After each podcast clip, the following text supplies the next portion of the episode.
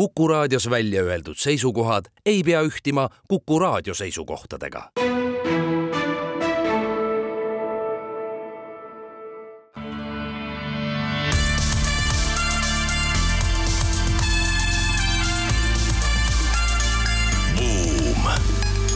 buumile annab hoogu SEB Pank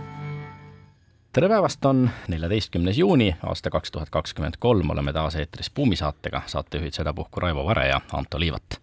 uudisteploki avame aruteluga selle ümber, et äh, IKEA on asunud koolitama kõnekeskuse töötajaid selleks, et nad äh, saaksid sisekujunduse konsultantideks teise uudisena räägime sellest, et äh, IT-õpingud, mis olid äh, üks kõige populaarsemaid erialasid siiani olnud, on maailmas toimunud sündmuste valguses hakanud üha vähem ennast ära tasuma. Meta, varasema nimega Facebook, äh, kelle käes on ka Instagram, on nüüd asunud sepistama hoopistükkis Twitterile konkurenti ja räägime ka sellest, et Economisti arvates töötajate lojaalsus kipub olema ülehinnatud firmades. meie tänane saatekülaline on SEB innovatsioonijuht Sander Välk, kes aitab meil ka uudiseid kommenteerida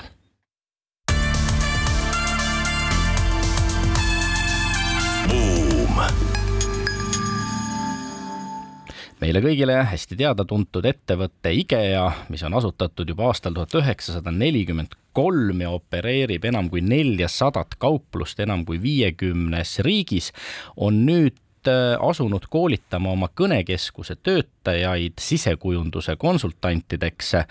ning äh, suure digitaliseerimise käigus, mida IKEA-s on toime pandud juba viimasel paaril aastal,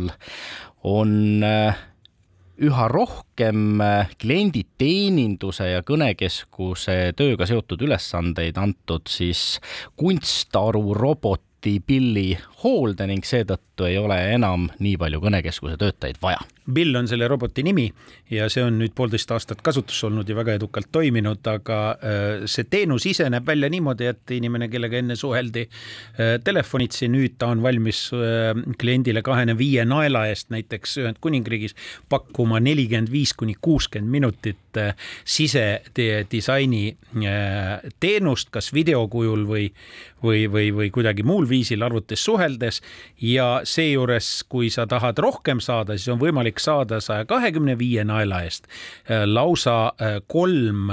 töökoha disaini konsultatsiooni koos äh, korruseplaanidega, pakutavate toodete võimalike variatsioonidega ja kolmes D-s ka visualiseerituna. IGE on hiigelsuur ettevõte, väidetavasti ka maailma kõige suurem puidu kasutaja umbes ühe protsendi tööstuslikust puidust äh, kogu maailmas rakendab ära IKEA ja neil on circa kakssada tuhat töötajat nüüd äh, kaheksa tuhat viissada kõnekeskuse töötajat on suudetud äh, vähem kui kahe aastaga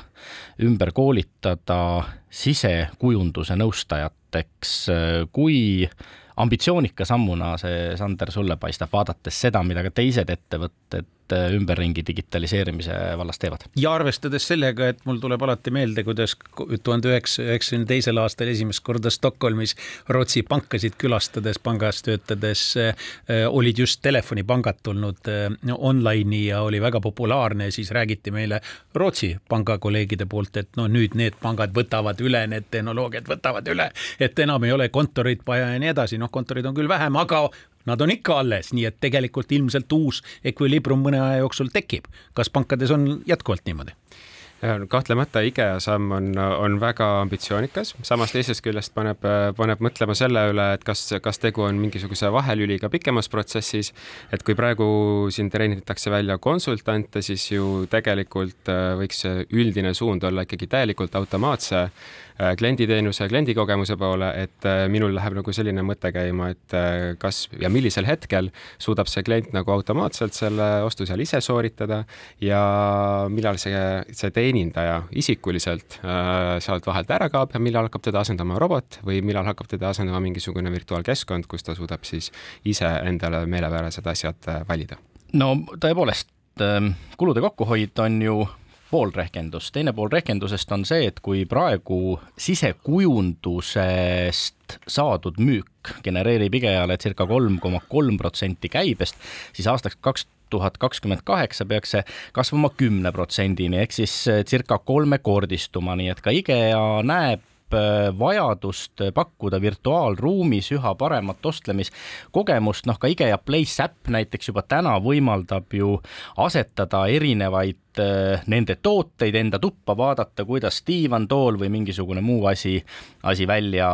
näeb seal äh, sinu kusjuures see maht on kaheksa korda suurem kui praegu, praeguseks nii-öelda uue tehnoloogia alusel saavutatud müügimahud ja tegelikult see näitab, et inimesed on selleks valmis, sest selle äpi kasutamisel peavad nad rohkem ise vaeva nägema, nüüd see uus tehnoloogia võimaldab viia väga suures osas kogu töö sisuliselt, ka ettevalmistustöö viia masina kätte ühel või teisel viisil. ja ma olen väga nõus, et inimesed on just selleks valmis ja kui me vaatame generatsioonilist äh, eelistust,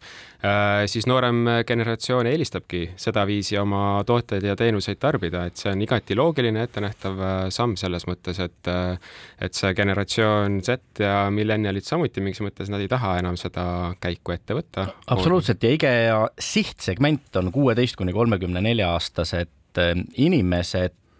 ning oligi mõnevõrra kummastav tükk aega, kuidas IKEA, kelle kliendid on valdavalt noored, opereeris suhteliselt vana, moodsalt okei. Okay,, need kauplused on hästi sisustatud, väljapanekud on ägedad, läbimõeldud, aga siiski digikanalitest müük kiratses väga pikki aegi, aegu ja seal on muidugi veel üks äh, asi väga oluline, tähendab tehnoloogiline viimistletusaste on väga oluline. sellepärast, et äh, noh, masin põhimõtteliselt ju töötab selle materjaliga, mida ta kätte saab ja kui nüüd ei vasta äh, tingimused, kui ei vasta näiteks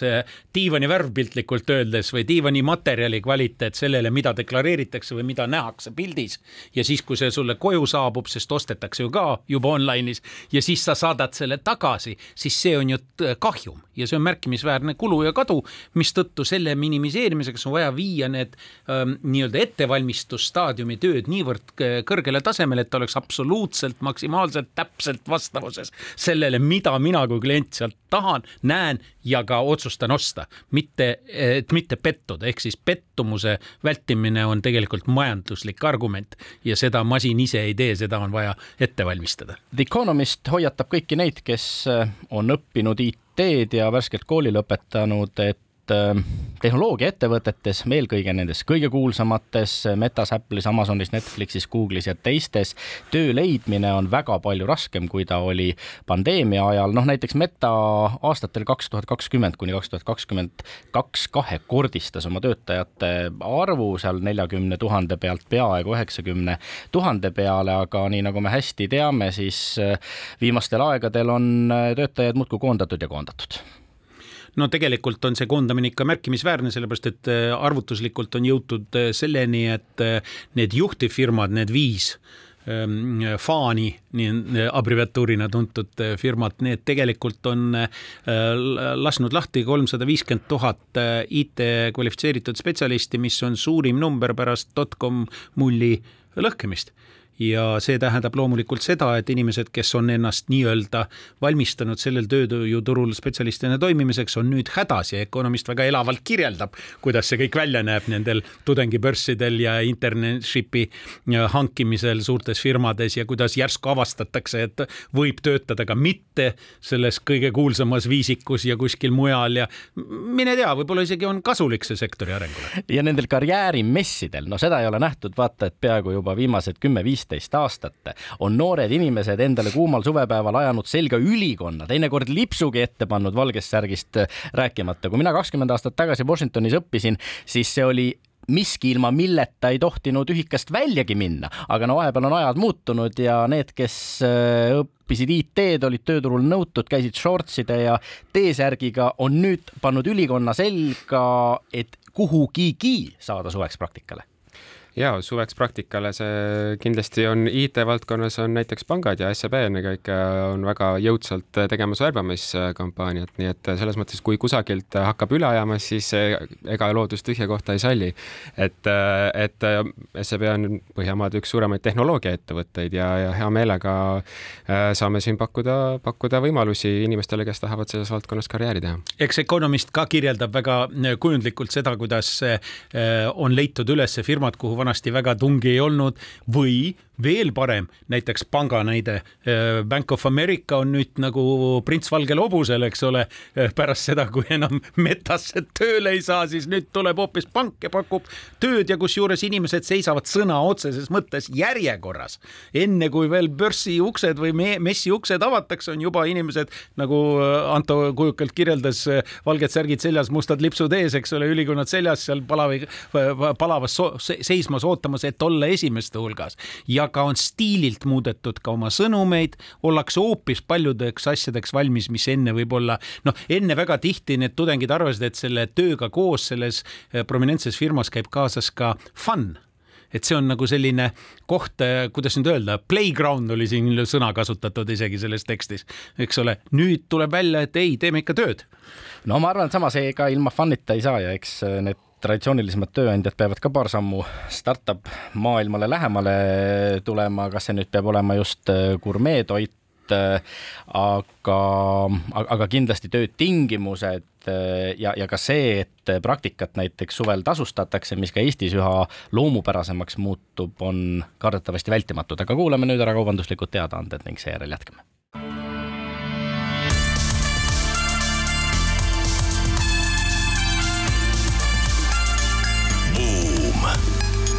buumile annab hoogu SEB Pank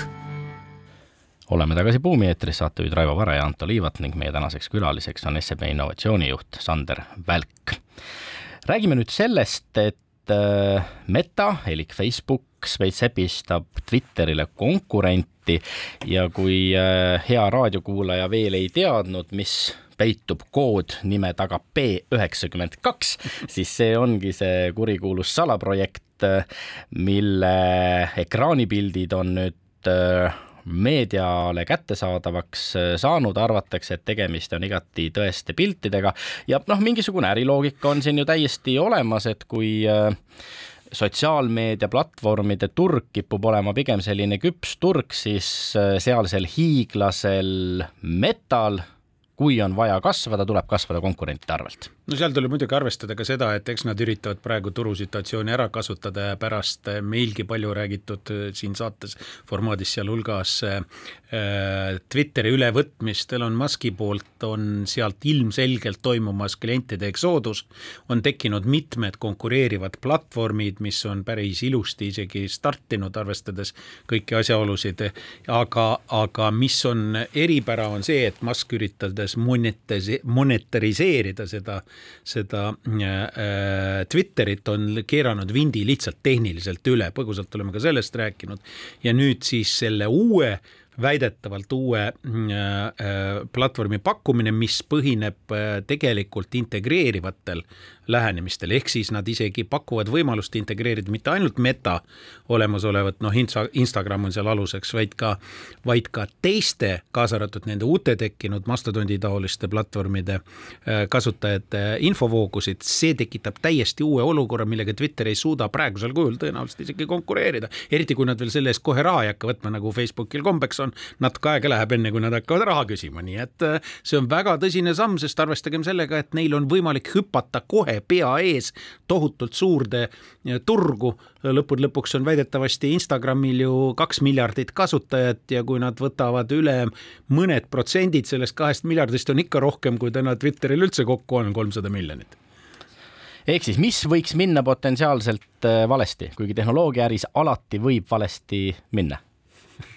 tehnoloogiaäris tõepoolest võib alati valesti minna. ma, ma arvan, et siin ikkagi saab äh, selline eristumine ja kliendile lisandväärtuse pakkumine saab, äh, saab väga oluliseks. et, äh, et kuidas see uus platvorm eristub olemasolevast Twitterist kui ka nendest paljudest muudest, mis on välja tulnud. et lihtsalt pakkuda analoogi ja värvida see üle sinisega, kuigi jah, Meta ja Twitter mõlemad sedasama värvi kasutavad, ma arvan, et sellest ei piisa. et siin on hea võimalus jällegi pakkuda midagi uut, et mitte lihtsalt duplikeerida, vaid pakkuda mingisugune uus uus innovaatiline nüanss sellele tootele juurde. ja no ma olen väga põnevil äh, oodata ja näha, mis nad sinna külge mõtlevad. kas siin ei ole mitte näha teatud traagelniite juba äh, praegu või vähemalt aimata selles mõttes, et nad läksid ju mis klientuuri järele, nad läksid ju eelkõige oma Instagrami seltskonna järele. Instagram on visualiseerimise platvorm, eks ole, maksimaalne. et sealt nagu see, see eristus tuleb, ega Twitteris saab ka täna visualiseerida, aga võrreldamatult teistsugusel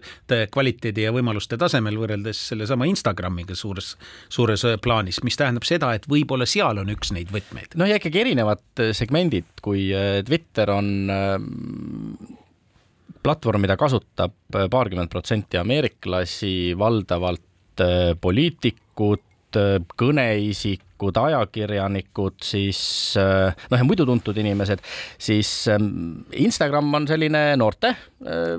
kanal või, või nooremate inimeste kanal, aga, aga noh, noored järjest rohkem ütlevad, ega Facebookis ju enam keegi ei käi, Facebookis enam ei, keegi ei suhtle. ega Mina ka Instagramis vist mitte nii väga tegelikult. minu meelest ka Instagramis enam noored ei käi, ma olen ka nagu niimoodi aru saanud, aga see ei tähenda, et ainult noorte järele minnakse, aga igal juhul on tegu tänuväärse tegevusega, sellepärast et see natukene muudab seda maailma ja seda natukene kivistunud äh, jõujoont joonte jaotust, mis seal eksisteerib. jaa, ja Texase ülikooli teadlased on avaldanud äh, Journal of Marketing Research äh, ajakirjas artikli sellest, äh, millised inimesed sotsiaalmeedias on võimalik teineteise sõpruskondadega liita ja mitte väga üllatavalt on vastus see, et mida sarnasemad on inimesed peaaegu mis iganes näitajate poolest, seda suurema tõenäosusega võiksid nad omavahel sõbruneda, noh ja ka Facebooki algoritm äh, soovitab ju meil saada sõbraks erinevate äh, inimestega ning nüüd, kui on võimalik Äh, ühendada tõesti siin Instagrami, Facebooki kasutajad, äh, võib-olla nendega, kes ühinevad sellele uuele platvormile, siis äh, Meta turuhiiglasena kasvab veel ja veel suuremaks ja, ja saab nende samade suurte andmemahtude pealt siin ka tehisintellekti abil teha meie käitumise kohta järjest paremaid prognoose ja järeldusi. väga tahaks näha sellist platvormi, kes paneb kokku need inimesed, kes omavahel võib-olla igapäevaselt ei räägi ja suudab panna suhtlema omavahel erinevate vaatepunktidega inimesed et äh, ootan pikisilmi, kes selle, selle võimaluse ära kasutada tahab. ja kui ta liiga suureks kasvab, siis ärgem muretsegem, küll regulaatorid eesotsas Euroopa Liiduga midagi ette võtavad selle vastu. aga sulle, Raivo, jäi silma The Economistist äh, artiklikene sellest, et töötajate lojaalsus võib olla ülehinnatud. me ühes varasemas Buumi saates rääkisime ka sellest, et äh, juhtidele meeldib anda tasustamata tööülesandeid äh, väljapool traditsioonilist tööaega just neile inimestele, kes on üles näidanud lojaalsust ettevõtte suhtes. kusjuures on ka uuringutega tõestatud, et seejuures hinnatakse veel eriti neid, kes mitte lihtsalt ei tee rohkem tööd, vaid seejuures ei küsi ka selle eest mitte midagi. ehk siis ehk see, tõeliselt lojaalsed töötajad. tõeliselt lojaalsed töötajad, aga mis, mida uurijad ütlevad, nad isegi kasutavad mingis hetkel üldistuses seda, et noh, et, et see on nagu niisugune koeraliku lojaalsuse äh, hinnang natukene. tegelikult nende uuringud näitavad, et eh, lojaalsed ei oldagi nii palju firmale kui sellisele, vaid oldakse teatud kollektiivile, teatud tiimile, teatud juhtidele selles tiimides või, või ka laiemalt, eks ole. noh, me oleme juhtimisteemade juures ju arutanud, et väga tihti on väga oluline just nende tipust kuni, kuni keskastmeni juhtide võime luua selliseid võrgustikke ja lojaalsusvõrgustikke omaenda firmas, eks ole. mitte ainult klientuuri ei ole vaja püüda ja lojaalseks muuta ka oma inimesi. ja teiseks, mis veel uuring näitas, on see, et tegelikult on vaks vahet, äh, et rohkem makstakse muuseas neile, kellest kardetakse, et nad lähevad ära, mitte neile, kes tegelikult jäävad paigale ja on teada, et ja rohkem makstakse ka neile, kes ostetakse teistest ettevõtetest üles, võrrelduna neile, kes sisetööle kandideerivad. Äh, jah, seda statistika tõendab ja, ja, ja näitab tõepoolest, et äh, aga lojaalsus kui selline ülahinnatud, et see, see ka mingil määral tundub natukene selline ajakirjanduslik pealkiri, ma arvan, et aja, et äh, lojaalsust äh, ei saa üle hinnata ja organisatsioonides, olgu see suur või väike, siis on see ikkagi üks selline võtmesõna, mille poole tasub püüelda ja mida, mida tasub, millesse tasub panustada. kui ma tohin üldistada, siis mulle tundub, et selle nii-öelda paatos on pigem selles, et see lojaalsus on oluline oluline, aga lojaalsuse tagamine nii-öelda motiveeritul viisil tagamine, lojaalsuse tagamine on tegelikult see võti. Jah, kui me vaatame noh, nii spordiuuringuid kui äriuuringuid, siis meeskondade oskus kokku mängida äh, on tegelikult väärtuslik konkurentsieelis, aga selleks, et õppida kokku mängima, läheb aega ning äh, kui meeskonnas siis äh, pärast koos veedetud pikemat aega keegi lahkub, siis see meeskonna dünaamika olulisel määral muutub, nii et et äh, lojaalsus meeskonna suhtes ähm, tegelikult peegeldub ju ka tulemuslikku sees, seda nii spordis kui, kui äris ja kui vaadata aastatagust McKinsey uuringut, siis noh, ainult rahaga häid töötajaid ei hoia, küll aga tuleb välja see, et oluline on inimeste isiklik areng, oluline on, on tõesti see, et nad äh, tunnevad kolleegidega kuuluvustunnet ja, ja lõpuks, mis siin pattu salata, ka selline töökeskkonnas tunnetatav heaolu. aga me jõuame siia ühe uudise lõppu veel rääkida, nimelt on meile teatavaks saanud teadusuuringu tulemused, kus äh, vaadati pesapallureid ja püüti mõista, kas oma tavapärasest rollisooritusest väljapoole tulemine ja seal pigem kesiste tulemuste saavutamine võiks aidata inimestel kuidagi oma tööd paremini teha ja vaadati siis pesa pallis viskajaid ja, ja, ja püüdjaid. ja pesapall on näide, aga tegelikult selle analoogia, mis sellest nähakse, on see, et tegelikult ka äris ja muus inimtegevuses väga pannakse rõhku spetsialiseerumisele. ehk siis spetsialist kindlas konkreetses nišis seda asja oskan. ja nüüd on siis, mina ei valda pesapalli ega pesapalli terminoloogiat, küll aga tuli sellest uuringust välja, et nüüd teatud funktsiooni täitvad, püüdja funktsiooni näiteks täitvad mehed, kui nad peavad mingite pesapallireeglite järgi aeg-ajalt minema ka lööma, kusjuures see ei ole alati nii, aga teatud juhtumid, mis iganes see loogika seal on, ma lihtsalt ei tea seda täpselt, aga nad lähevad lööma, on sunnitud minema lööma, siis nad löövad väga viletsalt, isegi kõige paremad mängijad, need püüdjad on viletsad, kes löövad, eks ole, aga kui ta sealt löömast tagasi tuleb, siis ta on tegija oma põhifunktsioonis, kuidagi motiveerub oluliselt rohkem ja eks ta saab võib-olla mingisuguse kogemuse kätte, mis äh, näitab talle, et aa, ta ei olegi kõige, kõige parem mängija igas valdkonnas, mis paneb teda veelgi pingutama, et enda, enda asja veel paremini läbi teha üks kauaaegne suurettevõtte tippjuht, kes viiekümne aastaselt hakkas startup'i tegema, rääkis mulle hiljuti, et ta oli täiesti ära unustanud, kui raske töö on müügitöö. oled suure ettevõtte eesotsas, muudkui delegeerid kõik asjad allapoole, et no müüge ja tehke need kõned ära. nüüd startup'erina pidi ise tegema ja ütles, et väga silmi avav kogemus oli. ma sain aru, et müügitöö on üks paganama raske töö, eriti kui seda peab ise tegema. aga nüüd kuulame taas ära kaubanduslikud teadaanded ning seejärel jätkame.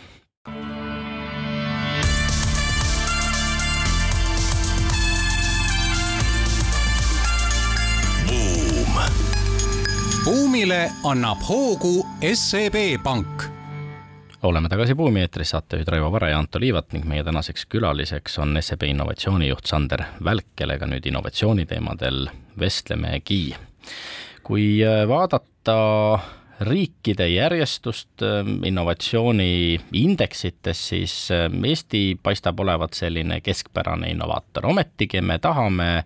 jõuda tipptegijate hulka aga Sander, millest meil siis täna ennekõike või kõige rohkem vajaka jääb? Ja kahtlemata me oleme, oleme selles tabelis üldises pildis kuskil keskel, ambitsioon on, on, on kõrgem ja sellesse me ka SEB Pangaga tugevalt äh, tahame panustada. Millest jääb puudu, see on, see on väga suur küsimus, see on puudu võib jääda nii mitmestki asjast ja üks asi on see, et meil lihtsalt puudub äh, relatiivselt selline kogemus äh, pikaajaliselt selliseid äriprojekte ajada, innovatsiooni luua. innovatsioon iseenesest on strateegia, mis nõuab ka kogemust, usaldust ja valmisolekut ka läbi kukkuda mingis hetkes. et meil, meil tihti meie, meie maastikul see puudub, kui me võrdleme siin näiteks Baltikumiga Põhjamaa, teiste Põhjamaadega, siis siis me oleme mingis mõttes äh, pisut, äh, pisut häbelikud, me võib-olla ei võta neid riske, äh, need riskid ei pruugigi alati olla majanduslikud riskid, vaid need riskid on, puudutavad teisi ressursse, nagu näiteks aeg, mida me oma tiimides oleme nõus panustama innovatsioonitegevustesse et äh, jah, nende tabelite järgi meil on Baltikumi lõikes, Eestil läheb justkui kõige paremini, Leedu on meile väga tugevalt kuklasse hingamas, nii et meil ei maksa ennast väga, väga õnnelikult ka tunda. Lätil on veel pisut äh, ruumi ja, ja SEB panga poolt meil on, kuna meil on Balti-ülene vaade, siis, äh, siis meie, meil on selline ühine, ühine pilt, me tahaksime just seda ka Baltikumi üleselt toetada ja meil on selleks siis välja töötatud erinevaid programme. mul on selline kiuslik küsimus, kunagi ka pangas töötanuna ja innovatsiooniteemadega tegelenud tollases ajas, mul on ettekujutus, kui keeruline on see pangas tegelikult mõneti isegi paljudest ettevõtetest natuke keerulisem. kus, kus teie nii-öelda see fookus on ja kuidas te neid riske võtate, pangad ei armasta väga riske mm, -hmm. pankade jaoks risk on, eks ole, ähm, kasumi miinus sõna otseses mõttes mm. -hmm. et, et noh, et kuidas teie neid maandate, kuidas teie see filosoofia üles ehitatud ja mudel üles ehitatud on, ülebaltiline? jaa, absoluutselt. Ja eks me oleme õppinud, õppinud tugevamatelt ja nendelt, kellel on pikemaajalisem kogemus. Ja ennekõike me maandame neid protsesse ja, ja haldame neid protsesse siis tunnustatud ja läbitöötatud meetoditega, et meil on pangas sisse viidud erinevad programmid, näiteks me teeme Design Sprint Week'e, kus tulevad erinevad tiimid kokku, äh, kus me katsetame läbi mingisuguseid lahendusi, kus me valideerime näiteks uusi lahendusi öö, äh, otseselt klientidega öö, äh, ja, ja saame sealt väga kasulikku tagasisidet, mis siis läheb edasi juba tootetiimidesse, kus nad suudavad seda, seda rakendada ja tootete-teenuste arendamises kasutada. kui sa avaksid natukene Balti Balti riikide vahelisi erinevusi, on need siis äh, lähenemistes, suhtumises, eelistustes, äh, noh, me teame, et, et, et need riigid tegelikult Eh, noh, ka oma majandusarengu poolest ja stardipositsiooni poolest on olnud mõnevõrra erinevad, et, et mis need meie sarnasused, erinevused innovatsiooni vaates on? no miks Eesti positsioneerub nii tugevalt tegelikult, kui me nii võime öelda, eh, see on see, et meil on väga tugev startup'i keskkond, meil on väga tugev ökosüsteem just, mis puudutab startup'e. ja siin me saavutasime tõesti väga märkimisväärse edu juba mitmed aastad tagasi. Eh, aga kui me vaatame nii-öelda traditsioonilisemaid ettevõtteid, siis seal me oleme võrd-, võrdsemas positsioonis. nii et me justkui, meie kuvand on sellisele startup indusele kuigi palju rajatud, äh, meile see väga meeldib, aga minu, minu sõnum on see, et me ei saa sellele puhkama jääda ja sellele liiga palju loota, sest tegelikult äh, kui me vaatame majanduse üldpilti, siis startup indus on siiski sellest selline pindmine osa ja väga paljud ettevõtted, kes on kas tootvas äh, tööstuses, saaksid samuti kasu innovatsioonist ja selliste protsesside rakendamisest. nominaalne tööjõu tootlikkus võrrelduna Euroopa Liidu Liidu keskmisega täna seal üheksakümne protsendi tuuris. Ähm, pikaajaline eesmärk Eesti riigil on äh, sada kümme protsenti Euroopa Liidu keskmisest aastaks kaks tuhat kolmkümmend viis. see eeldab oluliselt jah, laiapõhjalisemat äh, edasiliikumist Ähm, teadus-arendustegevuse investeeringutes, ähm, nende tegevuste viljade rakendamises, kui lihtsalt see tänane kahtlemata maailmas väga tubli ja esinduslik startup ökosüsteem või kogukond. ja, ja kindlasti üks pilt, üks asi, mis joonistub välja sellest üldisest analüüsist, on see, et näiteks Põhjamaade ja Lääne-Euroopa ettevõtete vahel on väga tugevad partnerlussuhted, väga tugev koostöö ja see on küll üks konkreetne valdkond Äh, mis Eestis äh, kuigi palju kannatab. ja tänu selle, sellest lähtudes me olemegi SEB-ga loonud sellise unikaalse programmi nagu kasuprogramm, mille eesmärgiks on siis anda Eesti ettevõtetele äh, kogemus, tööriistad, oskus ja enesekindlus teha teiste ettevõtetega efektiivsemat koostööd, ennekõike sellist koostööd, mille siis sihtmärgiks on innovatsioon, uute toodete, teenuste arendamine, kui ka integreerimine, äh, erinevate lahenduste integreerimine, äh, mis siis võib olla erinevate ettevõtete nii-öelda igapäevale leib, mis lauale tuleb. jutt on siis äh, äh reaalmajandusettevõtetest? just just, ja meil on selline programm, mis on täiesti ainulaadne, kuhu me sel aastal ka ettevõtteid kutsume. seda võib siis kutsuda kas kiirendiks või ka koolituseks, aga selle nimi on kasvu, kasvuprogramm, kus ettevõtted hakkavad läbi käima sellist ühisloome ja koostööprotsessi strateegiliselt. ja selle programmi sihtgrupp on siis ettevõtted, mille aastakäive ületab juba poolt miljonit eurot ning kui ma väärtuspakkumist loen, siis ma näen, et nad ei peaks kasvama mitte kümme protsenti, vaid kümme korda. Äh, võrreldes sellega, kus nad see on väga startup ilikult kõlab minu jaoks see on väga startup ilik, me oleme, me oleme seda kümne, kümnekordse kasvu tööriistu pakkunud ajalooliselt oma programmis osalevatele ettevõtetele. seekord me näeme, et me tahame luua uue keskkonna ja selleks uue keskkonna võtmesõnumiks ongi koostöö äh, ja koostöö erinevate ettevõtete vahel ja samuti ka koostöö ettevõtte siseselt, kuidas neid efektiivsemalt läbi viia olemasolevate ressurssidega. et selles mõttes me oleme pakkumas uut, uut programmi, Äh, mille võtmesõnad võib-olla eristuvad sellisest ajaloolisest startup ilikust äh, äh, ärikiirendist. kas see, ma sain õieti aru, et see on Pan-Balti, ehk siis see ei ole ainult Eesti, vaid see on sama, enam-vähem on kõikidel ühe ja sama platvormi loogika sees? hetkel see programm on selline, mis jookseb kõigis kolmes riigis veel lahus kuid sellel aastal eksperimendi käigus äh, on, on võimalus ka Eesti programmi tulla Läti ja Leedu ettevõtetel. et äh, meil on selline ambitsioon äh, tõepoolest olemas ja näeme, et SEB on siin selline ettevõte, kellel puuduvad sidemed ja võrgustik, et tuua, tuua Balti üleselt kokku need perspektiivid ja ettevõtete vahel luua need sünergiad. Lisaks sellele koostöötaotlusele, mis ikkagi teie fookuses täna on, kui me vaatame Eesti innovatsioonimaastiku kujunemislugu läbi viimase kümmekonna aasta, siis äh, kümne aasta eest äh, selliseid innovatsioonitoetusi näiteks riik pakkus äh, võrdlemisi vähe, seejärel hakati fokusseeruma digitaliseerimisele, disainile, müügile, misjärel viimastel aastatel on rohkem tähelepanu pööranud pööratud juba sellisele rohepöördele, kolmikpöördele, kuivõrd Äh, näiteks see kolmikpööre teie fookuses on või, või, äh, või mida te silmas peate nende ettevõtete valimisel, kes sinna programmi teretulnud on? no ettevõtete valimisel me kahtlemata peame silmas seda, mis on nende üldine suunitlus, äh, kui, kuidas see haakub selliste suuremate sotsiaalsete ja probleemidega või keskkonda puudutavate probleemidega, et meile ennekõike tahame, et siia tuleksid ettevõtted, kelle tegevusvaldkond kuigigi palju seda puudutaks, et nad oleksid rohkem rohelised kui pruunid võib-olla, aga loomulikult, kui tuleb ka keegi ettevõte, kes, kes on nii-öelda traditsiooniline ja tahab saada seda know-how'd, tahab saada seda mentorlust meie ekspertidelt, ja välistelt ekspertidelt, siis me oleme ka nõus, nõus neid vastu võtma. kohe küsin, kas eeltingimuseks on kliendiks olemine või ei ole? eeltingimuseks kliendiks olemine ei ole, nii et programmi oleme, oleme kutsumas kõiki ettevõtteid, kes siis äh, praegu, praegusel juhul Eestis tegutsevad äh, ja kelle käive on siis üle viiesaja tuhande euro aastas kuulame nüüd taas ära kaubanduslikud teadaanded ja seejärel jätkame innovatsiooni teemadel.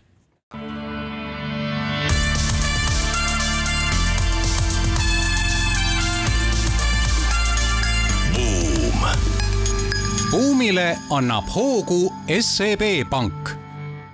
oleme tagasi Buumi eetris, saatejuhid Raivo Vare ja Anto Liivat ning meie tänaseks saatekülaliseks SEB innovatsioonijuht Sander Välk. Kui äh, vaadata neid põhjuseid, miks Eesti ettevõtted äh, ei kuulu maailmas tihtipeale innovatsiooniliidrite hulka, siis äh, mulle paistab, et neid on umbes viis. esiteks teadmiste puudus selle kohta, kuidas innovatsiooniprotsessi juhtida, edukalt läbi viia ja, ja kõik, mis sellega seondub. teiseks ikkagi endist viisi, madal digitaliseeritus, ennekõike traditsioonilisemate ettevõtete puhul. kolmandaks muidugi tööjõupuudus, innovaatilised ettevõtted vajavad pisut teistsugust tööjõudu. neljandaks ajakulu ja, ja tõepoolest valmisolek ära kannatada see tihtipeale valulik periood, enne kui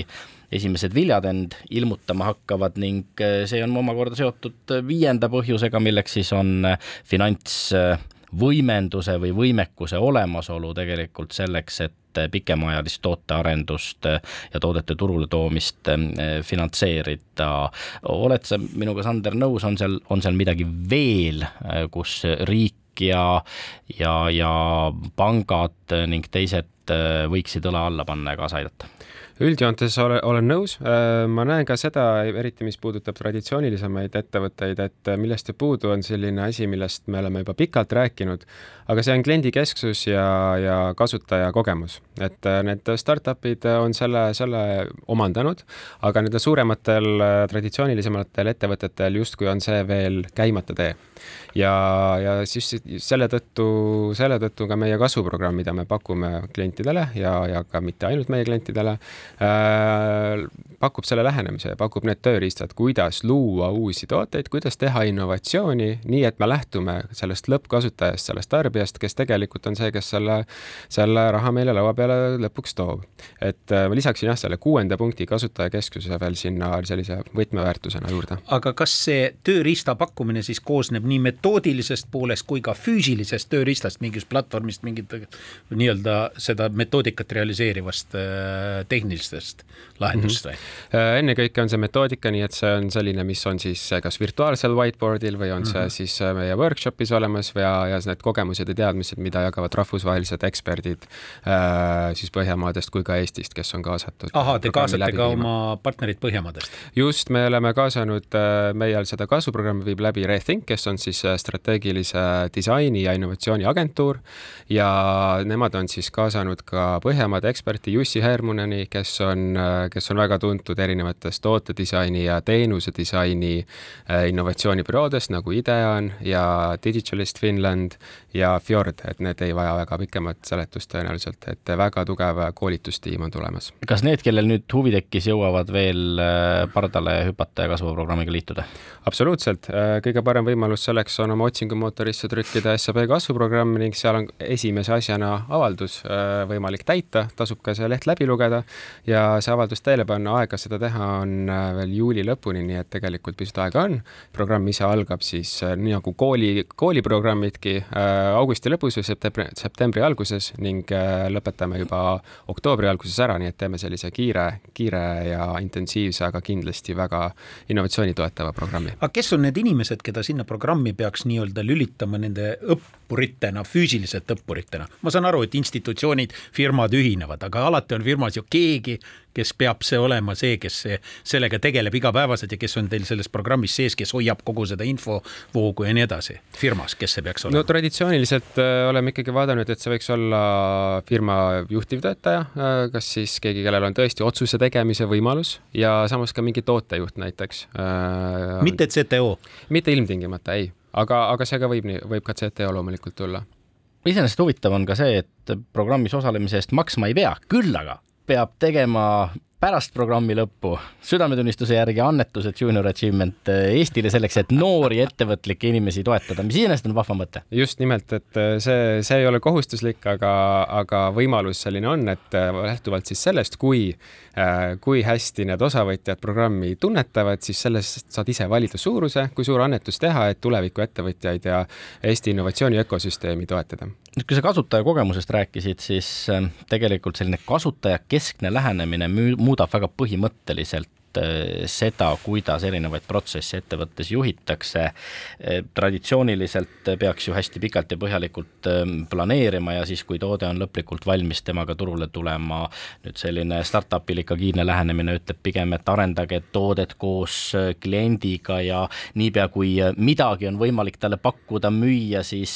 tehke see liigutus ära, see minimaalne rahuldav toode, et, et las kuskilt hakkab raha tulema ja, ja tuleb palju katsetada eksperimenteerida, proovida, eksperimenteerimine tähendab riski võtmist, seda, et tõepoolest võib ka minna eh, valesti. jah, ehk idee võib osutuda siiski mitteproduktiivseks, kuigi alguses tundus teistmoodi. sa pead olema valmis riske võtma, ikka ma tulen tagasi. ja, ja see risk, mille sa võtad ja kui see meie programm pakub selleks väga head turvalise keskkonna, kus mentorite käe all neid riske võtta, saada tippspetsialistidelt sellega tuge ja kui see tuleb siis lõpuks välja, et äh, see äkki ei töötagi ja kui need eksperimendid nende lõppkasutajatega seal hästi ei lähe, siis tegelikult on see väga suur õppetund. nii et kui see toode, teenus, mis sealt välja tuleb, ei ole lansseeritud marketile, siis sellest ei tähenda, et see programmi väljund oleks negatiivne, sest tegelikult see on õppimisprotsess ja, ja see käib iteratiivselt. negatiivne teadmine juhtimisest teadupärast tagasisidestamisel on ka teadmine, see on ka positiivne tegelikult olemuselt. ma juba väga palju aastaid ka EBS-is oma üliõpilaste varal, kes erinevates ettevõtetes töötavad, näen, kui suur on lõhe traditsiooniliste, tihtipeale Eesti kapitalil põhinevate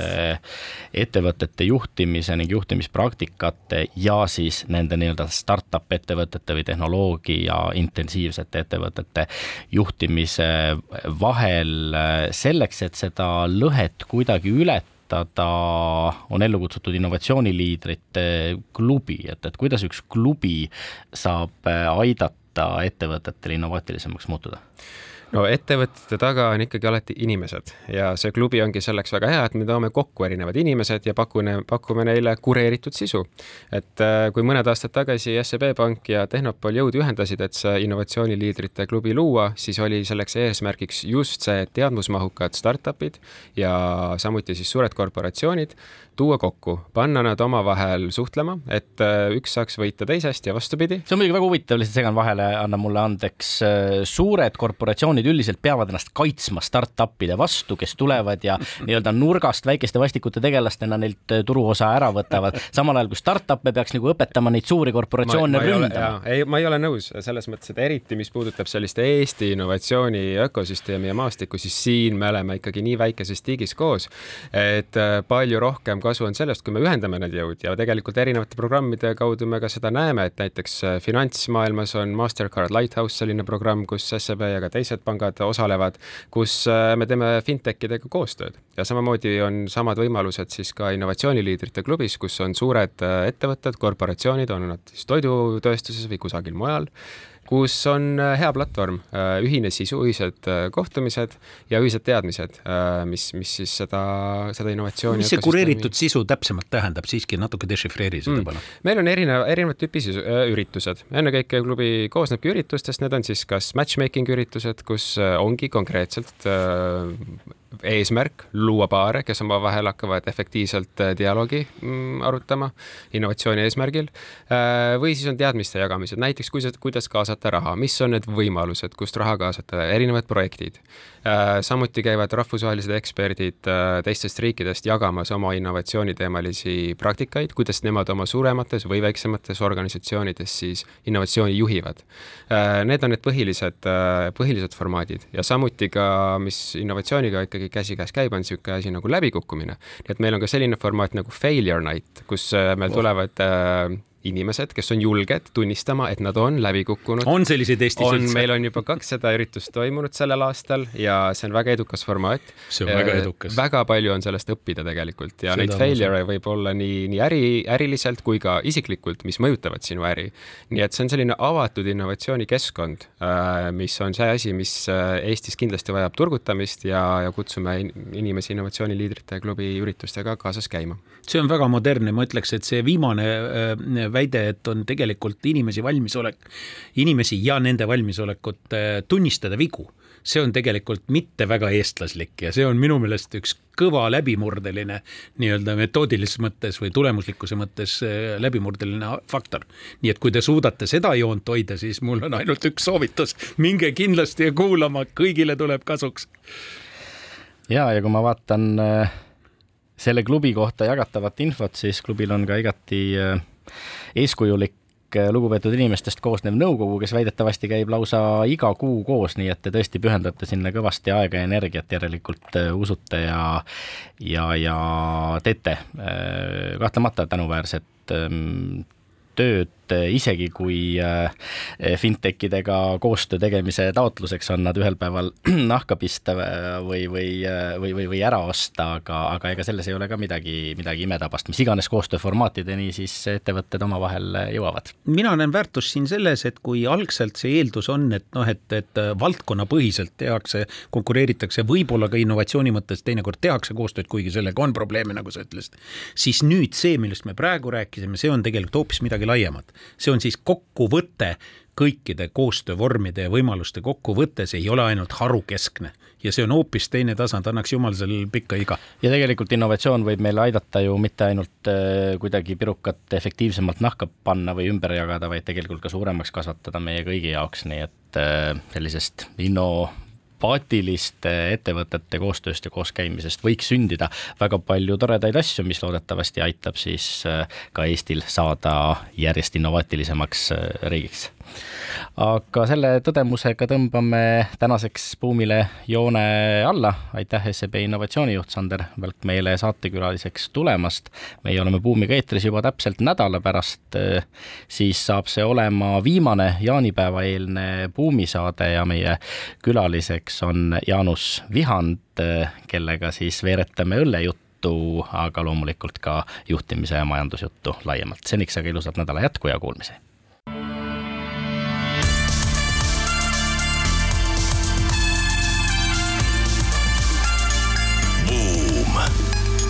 Buumile annab hoogu SEB Pank